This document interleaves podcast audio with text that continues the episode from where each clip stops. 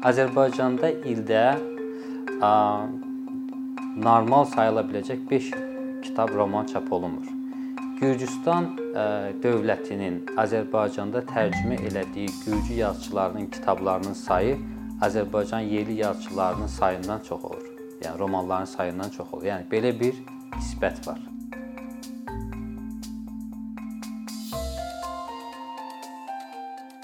Əgər biz Bakının heykəl ansamblinə baxsaq, görərik ki, şəhərin heykəllərinin böyük əksəriyyəti ədiblərə, şairlərə, dramaturqlara həsr olunub. Məsələn, Elmlər Akademiyasından başlasaq, birinci qarşımıza çıxacaq Hüseyn Cavid. Sonra aşağı düşəcəyik, görəcəyik ki, Nərimanov var. Nərimanov böyük dövlət xadimi olduğu kimi, həmçinin Azərbaycanda dramaturgiya janrında tarixi faciə janrının banisidir. Ondan aşağı düşsək görəcəyik ki, Mirzə Fətəli Axundovun heykəli var.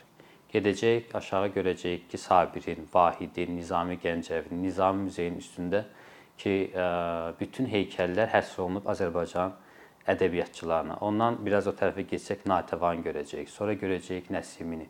Sonra görəcəyik Füzulini, Səməd Vurğunu, Mikail Müşfiqi. Yəni demək istədiyim odur ki, Azər Bakının heykəllərinin böyük əksəriyyəti ədiblərə həsr olunub və əgər biz bu heykəlləri Bakının Bakıdan silsək, şəhərin öz ruhunu itirəcəyi kimi, həmçinin Azərbaycanın Milli Azərbaycan, yəni ki, dövləti öz tarixinin böyük qismindən məhrum olacaq. Yəni öz ruhundan məhrum olacaq. Bu nəyin göstəricisidir? Bu onun göstəricisidir ki, Azərbaycan xalqı bir növ ədəbiyyatdan yorğulub. Yəni ki, bu xalq bu xalqın ruhu, qanı, canı ədəbiyyatla yoğrulub. Bütün bunları nəzərə alanda biz fikirləşməli idik ki, Azərbaycanda ə, belə ədəbiyyat çox yüksək səviyyədədir. Ədəbi proses çox yüksək səviyyədədir və həm cəmiyyət tərəfindən, həm dövlət tərəfindən, həm biznes tərəfindən, həm bütün digər sferlarda ədəbiyyata çox böyük qayğı və diqqət var. Amma əslində necədir? Əslində bunun tam əksidir. Azərbaycanda hal-hazırda ədəbi proses bəlkə də tarixindəki ən belə zəif, ölgün dövrünü yaşayır. İndi deyə kimlərsə deyə bilər ki, bu buna səbəb pandemiyadır. Amma pandemiyadan əvvəl də belə idi. Yəni ki, son 5-6 ildə Azərbaycanda ədəbi ədəbiyyat söhbətləri demək olar ki, yoxdur. Mən ə, mən ədəbiyyat, ədəbi proseslər deyəndə ilk növbədə ə, modern ədəbi müzakirələri, xüsusilə romançılığı, hekayəçiliyi, e, esseistikanı və ümumiyyətlə nəsri nəzərdə tuturam. Yəni bunlar hamısı müasir dövrdə ədəbiyyatın lokomotivi romançılıqdır. Yəni ki, sən ilk növbədə öz romanlarınla gündəmə gəlirsən, hər kəs səni öz romanlarınla tanıyır. Azərbaycanda ildə ə, normal sayıla biləcək 5 kitab roman çap olunmur.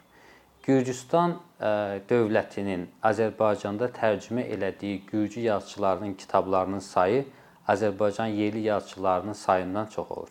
Yəni romanların sayından çox olur. Yəni belə bir nisbət var. Biz məsəl üçün deyirik ki, 10 milyonluq xalqıq. Ümumiyyətlə Azərbaycanlıların sayı, Azərbaycan dilində danışanların sayı 50 milyondan çoxdur. Amma bu qədər geniş kütləni, yəni ki, E, camiyəni yəni ki 3 dənə saytı yoxdur. Bütün bu 50 milyonluq xalqın 3 dənə, 4 dənə saytı yoxdur. Azərbaycanda müsabiqələr, ədəbi müsabiqələr keçirilmir. Festivallar yoxdur.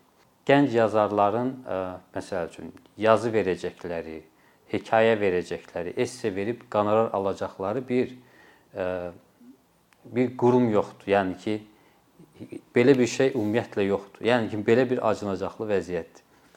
Sonra məsəl üçün Azərbaycandakı ədəbi proseslərin hansı səviyyədə olmasının göstəricilərindən biri bizim ə, ümumiyyətlə insanların ədəbiyyat haqqında nə fikirləşdiyidir. Məsələn, bu yaxınlarda mən ə, bir verilişə baxırdım, Murad Arifin verilişinə baxırdım. Murad Arif bildiyiniz kimi belə yaradıcı insandır, öz üzərində işləyən, orijinal bir ə, musiqiçidir.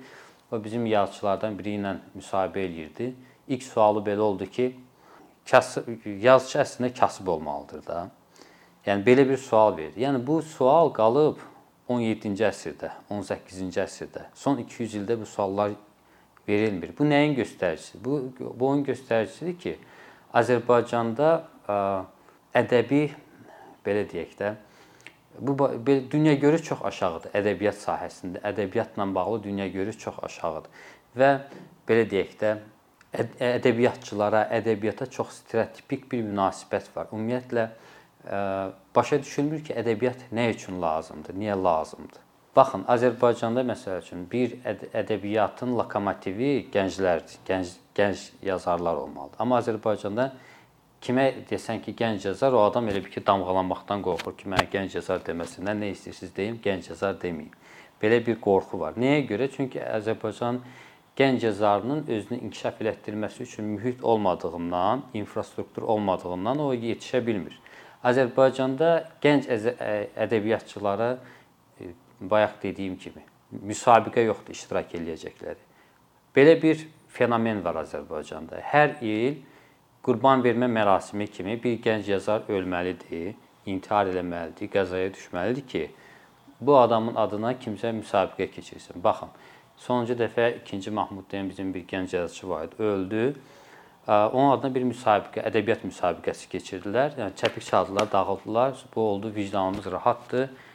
Bu adamın istedadlı, parlaq yazıçı idi. Bunu andı. Vəssalam, məsələ bitdi. Biz öz vəzifəmizi yerinə yetirdik. Ondan əvvəl Mövlud Mövlud intihar edəndə belə olmuşdu. Ondan əvvəl bizim Zərdüşt deyən bir şair var idi. O rəhmətə gedəndə eyni ilə eyni müsabiqədən keçirdilər. Bir dəfə söhbət öldü. Rafiq Tağıda da həmçinin. Yəni Azərbaycanda müsabiqənin keçirilməsi üçün hər il bir gənc yazar ölməlidir. Belə bir fenomen var. Azərbaycanda axırıncı dəfə ədəbi proseslərin aktiv olduğu dövr olub Azadlıq radiosunun dövründə. Azadlıq Radiosunun Oxu Zalı adlı bir verilişi var idi. O verilişdə həftədə 2 dəfə görüşlər keçirilirdi, müzakirələr keçirilirdi. Həmçinin ildə bir dəfə gənc yazarlar arasında hekayə müsabiqəsi keçirilirdi. Amerika vergi ödəyicilərinin sayəsində Azərbaycan ədəbiyyat ədəbi prosesi xeyli aktiv idi. Sonra Azadlıq Radiosunun qapısına qıfıl vurdular. Azadlıq Radiosunu ölkədən qovdular və Azərbaycanda gənc yazarlar arasındakı o rəqabət, müsahibə aktivliyi də e, söhbəti həll olundu. Ondan sonra bir dənə Azərbaycanın media qurumu geniş miqyaslı, yəni cəmiyyətin diqqətinə, marağına səbəb olacaq bir dənə də müsabiqə keçirməyib.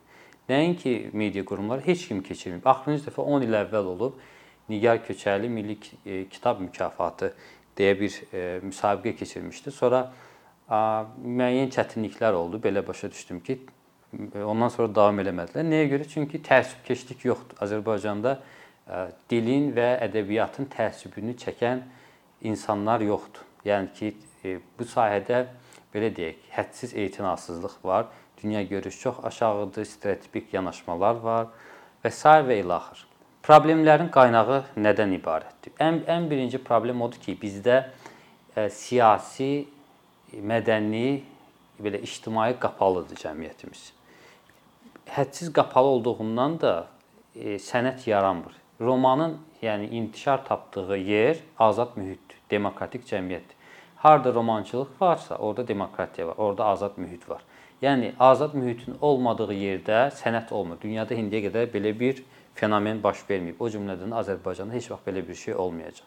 Bu bir birinci məsələ. İkinci məsələ odur ki, biz e, Sovet ənənəsinin ənənəsindən qopa bilmirik. Azərbaycanda AYB deyə bir AYB var, quruluş. Mən onunla bu barədə çox danışmaq istəmirəm. Əslində onu bu barədə ensiklopediyalar yazmaq olar.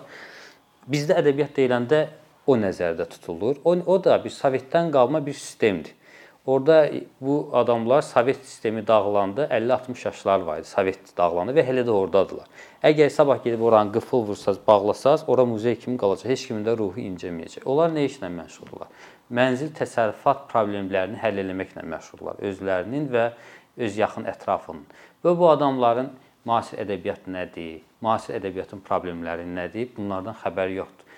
Və əsas problemlərdən biri odur ki, Azərbaycan məsəl üçün gənci belə deyək, tutalım ki, bir dərnək yaratmaq istəyir, qurum yaratmaq istəyir və yaxud da bir fərdi iş görmək istəyir, gedib AYB AYB-dən icazə almalı. Çünki başqa cür Ədliyyə Nazirliyi və yaxud da digər rəsmi qurumlar sənə qurum yaratmağa, tutalım ki, maliyyə əldə eləməyə imkan vermirlər. Ona görə də sən getməlisən onlara, onlara biət eləməlisən. Onlar da yəni ki 100% də sənə icazə verməyəcəklər. Yəni bu əsas problemlərdən biridir. İkinci problem odur ki, yenə də inzibati problemlərə gəlib çıxaq, siyasi problemlərə, iqtisadi problemlərə.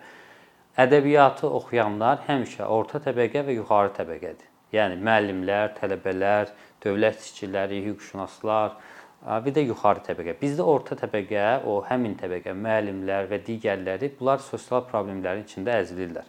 Bunların toy xərcləri var, uşaq qız köçürməlidirlər, oğlan evləndirməlidirlər, ev tikməlidirlər. Bunlara başları qarışıb. Çünki yəni dediyim kimi sosial problemlərə başları qarışıb. Bir də var, bizdə orta təbəqə var. Bu təbəqə neft pulları ilə zənginləşmiş, bir də Sovet dağılandan sonra ticarət hesabına zənginləşmiş bir təbəqədir Amma bunlar ənənəvi olaraq kitab oxuyan təbəqə deyillər. Ona görə də bu təbəqə kitabla maraqlanmır. Bu bunların ayrı bir e, dünyası var, orada yaşayırlar.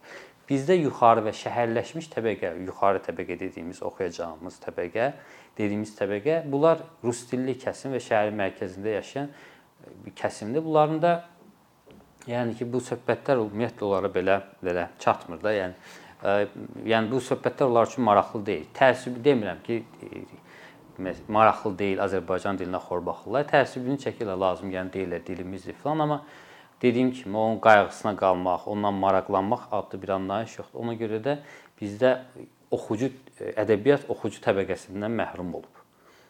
Azərbaycan regionda ədəbi proses baxımından, ədəbi dünya görüş baxımından, ədəbi ə, belə sənət baxımından biz regionda ümumiyyətlə yoxuq.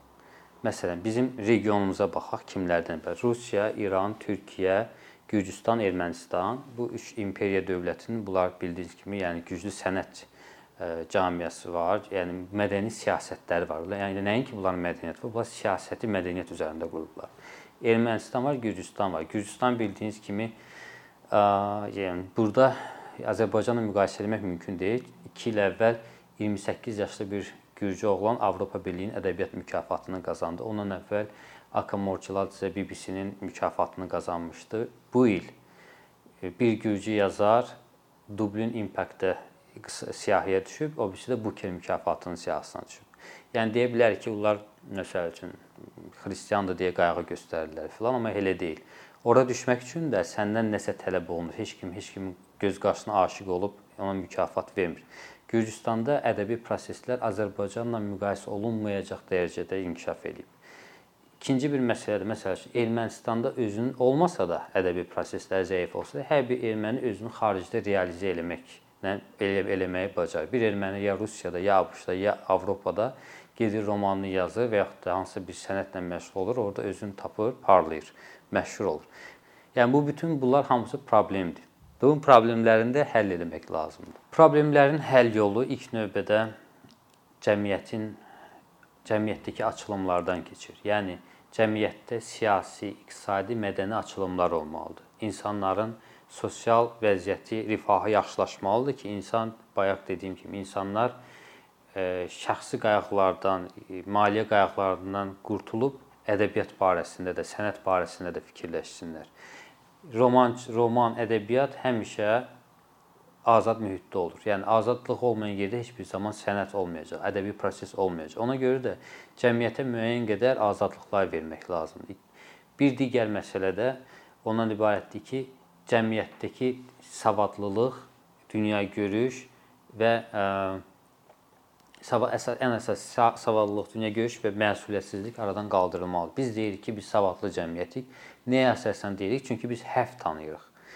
Ki əhalinin məsəl üçün deyirik ki, 98%-i yaza bilir. Amma bu ilə iş bitmir. Biz ancaq yaza bilirik. Ondan sonrakı prosesləri artıq biz elə keçid eləməmişik. Böyük miqyasdan gedir söhbət. Yəni cəmiyyətin bundan o tərəfə keçməsi üçün savadlılıq artırmalıdır. Bunun üçün universitetlərindəki təhsil artmalıdır məktəblərdəki təhsil səviyyəsi artırılmalıdır və o cümlədən də e, xaricdə təhsil alan insanların sayı çox olmalıdır.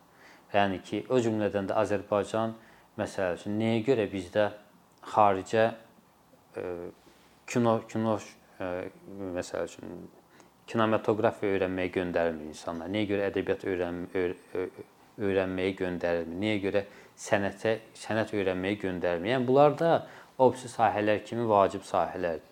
Bunların eləməsə sizdə mədəni səviyyə qalxmayacaq. Mədəni səviyyə qalxmadıqca da mədəniyyət bütün hər şeyə təsir göstərir. Hər şeydə aşağı səviyyədə qalacaq. Yəni bütün bunların yüksəlməsi üçün, o cümlədən Azərbaycan ədəbi prosesinin yaranması üçün bütün bu problemlər aradan qaldırılmalıdır. Məsələn, bizim qonşu ölkələrimizdə belədir ki, sənətə, ədəbiyyata ilk növbədə biznes yardım göstərir, QHT-lər yardım göstərir. Yəni ki, bu barədə təəssübkeşlik var. Bu ədəbiyyat barəsində, sənət barəsində sayğılıq çox yüksəkdir. Ona görə də müsabiqələrin təşkilini banklar həyata keçirir və yaxud da şirkətdə hansısa bir mesenat həyata keçirir və orada ədəbi proses və, və bayaq qeyd elədiyim kimi yuxarı təbəqə həmin dövlətə, həmin dildə oxuyur və həmin ədəbiyyatın qayğısına qalır. Və yuxarı təbəqənin xoşuna gəlmək istəyən biznes sektoru da bu yəni bunlar hamısı bir-birinə qarşılıqlıdır. Ədəbiyyata, sənətə maliyyə ayırır. Bizdə e, bu həmin adlarını sadaladığım qurumlar, şirkətlər, QHT-lər, dövlət qurumları hamısı bu prosesi yüksəltmək üçün qollarını çırmalayıb iş görməlidirlər.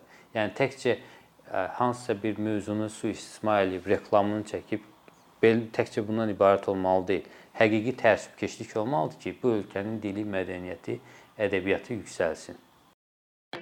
Əkinçinin yeni videoları haqqında məlumatlı olmaq üçün kanalımıza abunə olmağı və xəbərdarlıq funksiyasını aktivləşdirməyi unutmayın imkandan istifadə edərək cari patronlarımıza işlərimizi davam etməyə yardım olduqları üçün dərin təşəkkürümüzü bildiririk. Əkinçinin Patreon icmasının üzvü olaraq siz bizim təşəbbüsə dəstək göstərməklə bərabər hazırladığımız materialları hər kəsdən öncə izləmə imkanı əldə edəcəksiniz.